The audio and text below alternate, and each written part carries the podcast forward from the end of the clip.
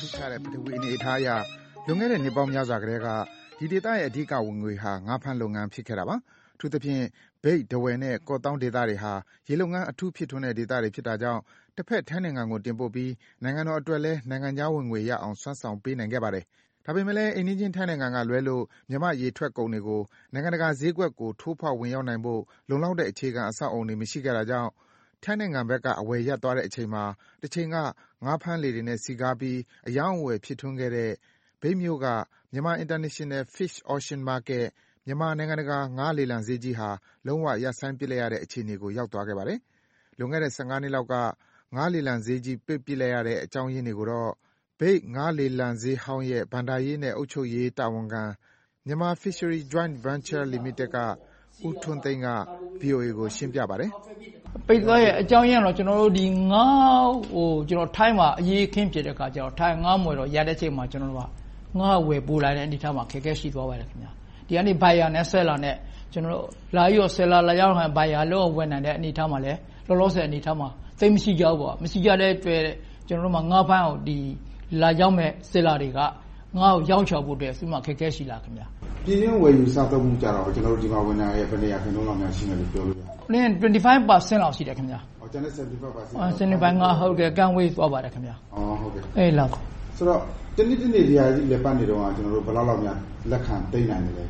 ဒီတိုင်အနေနဲ့ပေါ့။ဒီတိုင်အနေနဲ့သိမ်းမယ်တန်၂၀၀အထိအောင်လက်ခံနိုင်ပါတယ်။တနေ့ကို၂၀၀တန်အထိကိုကျနော်တို့က Marketing မှာ Auction လုပ်နိုင်ပါတယ်ခင်ဗျ။အဲဒါလုပ်နိုင်ပေမယ့်ငါးကလုသလောက်ကျနော်တို့မရရှိခဲ့ဘူးခင်ဗျ။လာရင်တန် ၂၀၊၃၀၊၅၀အမြင့်ဆုံးမှာပဲရနေတော့ဒီဟာလုပ်ငန်းလုပ်တဲ့အခါမှာကျနော် Staff တွေကလည်းများတယ် Staff ၄၀၀လောက်ရှိတယ်ခင်ဗျဝန်ထမ်းကဝန်ထမ်း၄၀၀လောက်ရှိတော့လုပ်ငန်းလည်ပိုင်းတွေမှာ Cost တွေကတအားမြင့်လာတယ်ကျနော်ဒီလစာတွေပေါ့ Salary တွေကမြင့်လာတဲ့အခါကျတော့လုပ်ငန်းကြီးကအကောင့်ထဲပေါ်မှုကဖြည်းဖြည်းဖြည်းဖြည်းချင်းဘာဖြစ်လာမလဲရောင်းငွေနဲ့ဝင်ငွေနဲ့မမျှမတဖြစ်လာတဲ့အတွက်လုပ်ငန်းကြီးခေတ္တယာယီရပ်ဆိုင်းရမယ့်အနေအထားကိုရောက်လာတယ်ခင်ဗျ အခုချိန်မှာတော့ အဲဒီ ပိတ်ထားရတဲ့ နိုင်ငံတကာ ငါးလေလံဈေးကြီးကို မကြာခင်မှာ ပြန်ဖွင့်နိုင်ဖို့ လုပ်ငန်းရှင်တွေဘက်က ပြန်လည် ကြိုးပမ်းနေကြပြီလို့ ဦးထွန်းသိန်းက ဗွီအိုအေကို ရှင်းပြပါတယ်။ကျနော် စက်တင်ဘာလမှာ ပြန်လည်ဖွင့်လှစ်ဖို့ စီစဉ်ထားပါတယ်ခင်ဗျ။အဲဒီ ပြင်ဆင်နိုင်ဖို့အတွက်ကို Ready ဖြစ်နိုင်ဖို့အတွက်ကို ကျနော်တို့ ဧပြီလကနေ စပြီးတော့ သြဂတ်အထိကိုကျနော်တို့က Maintenance ပေါ့အေးခန်းတို့ဘာတို့ ရေတို့ Electricity တို့ Fresh water တို့ အားလုံးကို Ready ဖြစ်အောင် စီစဉ်နေပါတယ်ခင်ဗျ မူလက စက်တင်ဘာလလယ်လောက်မှာ ပြန်ဖွင့်နိုင်ဖို့ စီစဉ်ခဲ့ပေမယ့် လိုအပ်တဲ့ပြင်ဆင်မှုတွေ မပြီးနိုင်ခဲ့တာကြောင့် အချိန်မီ ဖွင့်နိုင်ခဲ့ခြင်း မရှိပါဘူး။ဒါပေမယ့် နိုင်ငံတကာ ငါးလေလံဈေးရဲ့မန်နေဂျင်းဒါရိုက်တာဒေါ်ဌေးဌေးဝင်းက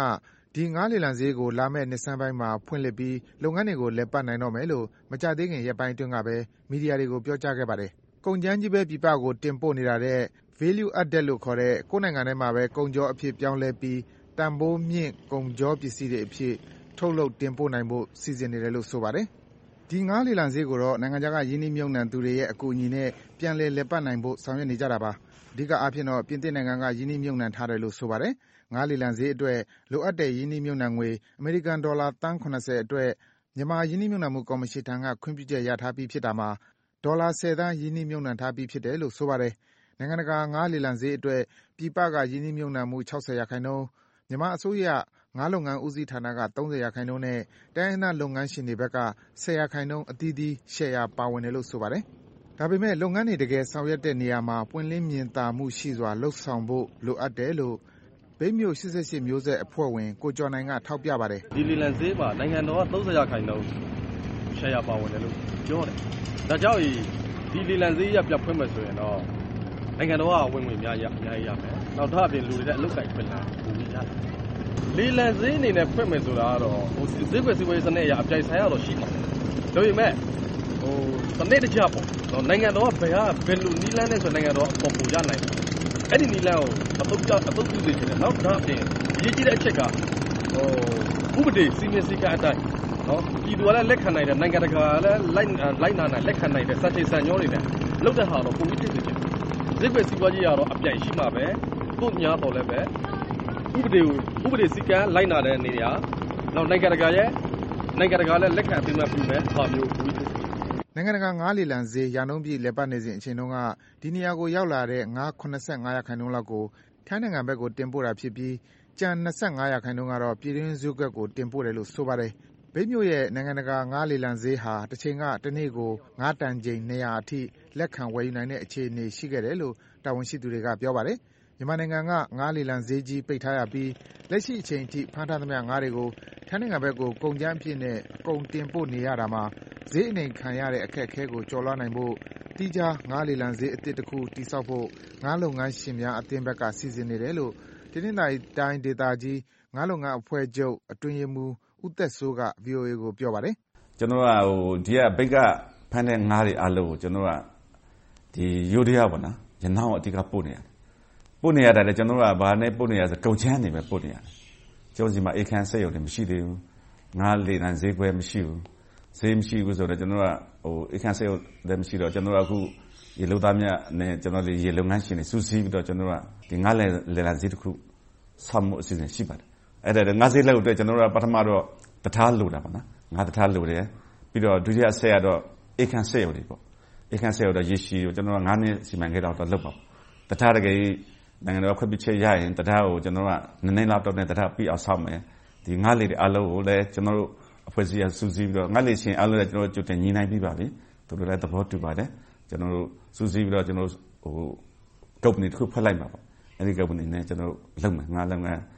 ငါးဈေးလုပ်မှာပေါ့။”ငါးလေလံဈေးအသစ်တခုထပ်ဖွင့်ရေးကိစ္စဟာတနင်္သာရီတိုင်းအတွင်းမှာလူပြောအများဆုံးအကြောင်းအရာတခုဖြစ်နေပါတယ်။အရင်ရှိခဲ့တဲ့ ငါးလေလံဈေးဟောင်းကို ပြင်ဆင်ပြီး ပြန်ဖွင့်ဖို့ စီစဉ်နေသူတွေ ရှိသလို တနင်္သာရီတိုင်းဒေသကြီး ငါးလုပ်ငန်းအဖွဲ့ချုပ်ကလည်း ဥက္ကဋ္ဌ ဦးလှသန်း ဦးဆောင်ပြီး လက်ရှိ ငါးလေလံဈေးဘေးမှာ နိုင်ငံတကာအဆင့်မီ ငါးလေလံဈေးအသစ်တခု ထပ်ဖွင့်ဖို့ ပြင်ဆင်နေတာလည်း ရှိနေပါတယ်။ဒါ့အပြင် တိုင်းဒေသကြီးအစိုးရက ဦးဆောင်ပြီး ထားဝယ်မြို့အနီးက သရက်ချောင်းအရပ်မှာ ငါးလေလံဈေးအသစ်တခု ထပ်ဖွင့်ဖို့ စီစဉ်နေတာလည်း ရှိနေပြန်တော့ ငါးလုပ်ငန်းအပေါ် အများကြီး မှီခိုအားထားနေရတဲ့ ဒေသခံတွေအကြား လူပြောများပြီး စိတ်ဝင်တစားဖြစ်စရာ၊ အခြေအတင် ငြင်းခုံစရာ ကိစ္စရပ်ဖြစ်နေပါတယ်။အမြင်သဘောထား ကွဲပြားမှုတွေ အများဆုံးဖြစ်နေတာကတော့ တိုင်းဒေသကြီးအစိုးရက ဦးဆောင်တည်ဆောက်မယ့် ငါးလေလံဈေးသစ်ကိစ္စပဲ ဖြစ်ပါတယ်။တဘက်မှာ တနင်္သာရီတိုင်း ငါးလုပ်ငန်းအဖွဲ့ချုပ်က ဦးဆောင်ဖွင့်လှစ်မယ့် ငါးလေလံဈေးကတော့ အစိုးရက ခွင့်ပြုချက်ကျထားပေမယ့် တပ်မြေဖြစ်နေတာကြောင့် မြေနေရာအတွက် ပါမစ်ကျဖို့ စောင့်နေတယ်လို့ ဦးသက်စိုးက ဗွီအိုအေကို ပြောပါတယ်။တိုင်းဒေသကြီးခွင့်ပြုပါတယ်။သူတို့က များများရှိလေ ကောင်းတယ်ကျနော်တို့ဆီက လွှတ်တော်ကိုယ်စားလှယ်တွေကလည်းငါးဈေးတစ်ခု၊နှစ်ခု၊သုံးခုများလေကောင်းတယ်ပေါ့။များလေပြိုင်ဆိုင်မှုရှိလာမယ်။တယောက်တည်းဆိုပြိုင်ဆိုင်မှုမရှိဘူး။များများရှိရင်ဒီကလွှတ်တော်ကိုယ်စားလှယ်တွေတိုင်းဒေသကြီးလွှတ်တော်ကိုယ်စားလှယ်တို့အမျိုးသားလွှတ်တော်၊ပြည်သူ့လွှတ်တော်ကိုယ်စားလှယ်တွေသူတို့ကိုယ်တိုင်လည်းပြောပါတယ်။ဈေးများလေကောင်းလေဒါမှပြိုင်ဆိုင်မှုရှိမှအောက်ခြေကဖမ်းတဲ့ရေလုပ်သားကဈေးပိုရမှာပေါ့။များမှကောင်းမှာ။တခုတည်းလုပ်ရင်သူက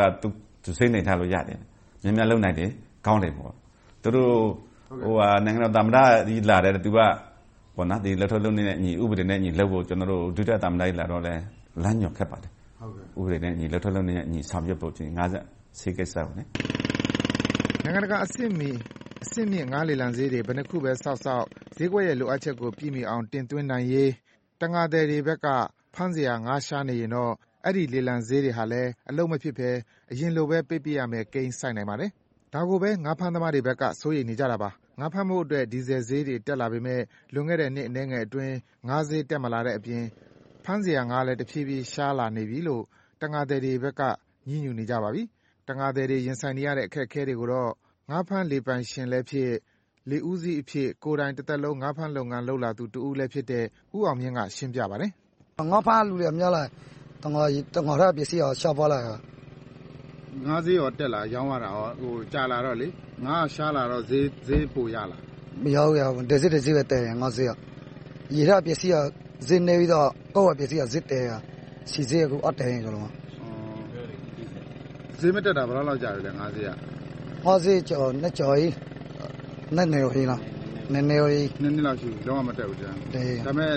ဆီဈေးတွေကဆီဈေးကတက်ဒီဈေးကတက်နေတာ။စီးပွားအခြေအနေကရောအကိုဘယ်လိုစီးပွားအခြေအနေ စီးပွားအခြေအနေဟိုမနေ့ကတော့တဲ့နဲ့ပူဆိုးမြင်မြင်ကပိုဆိုးလားရောင်းနေ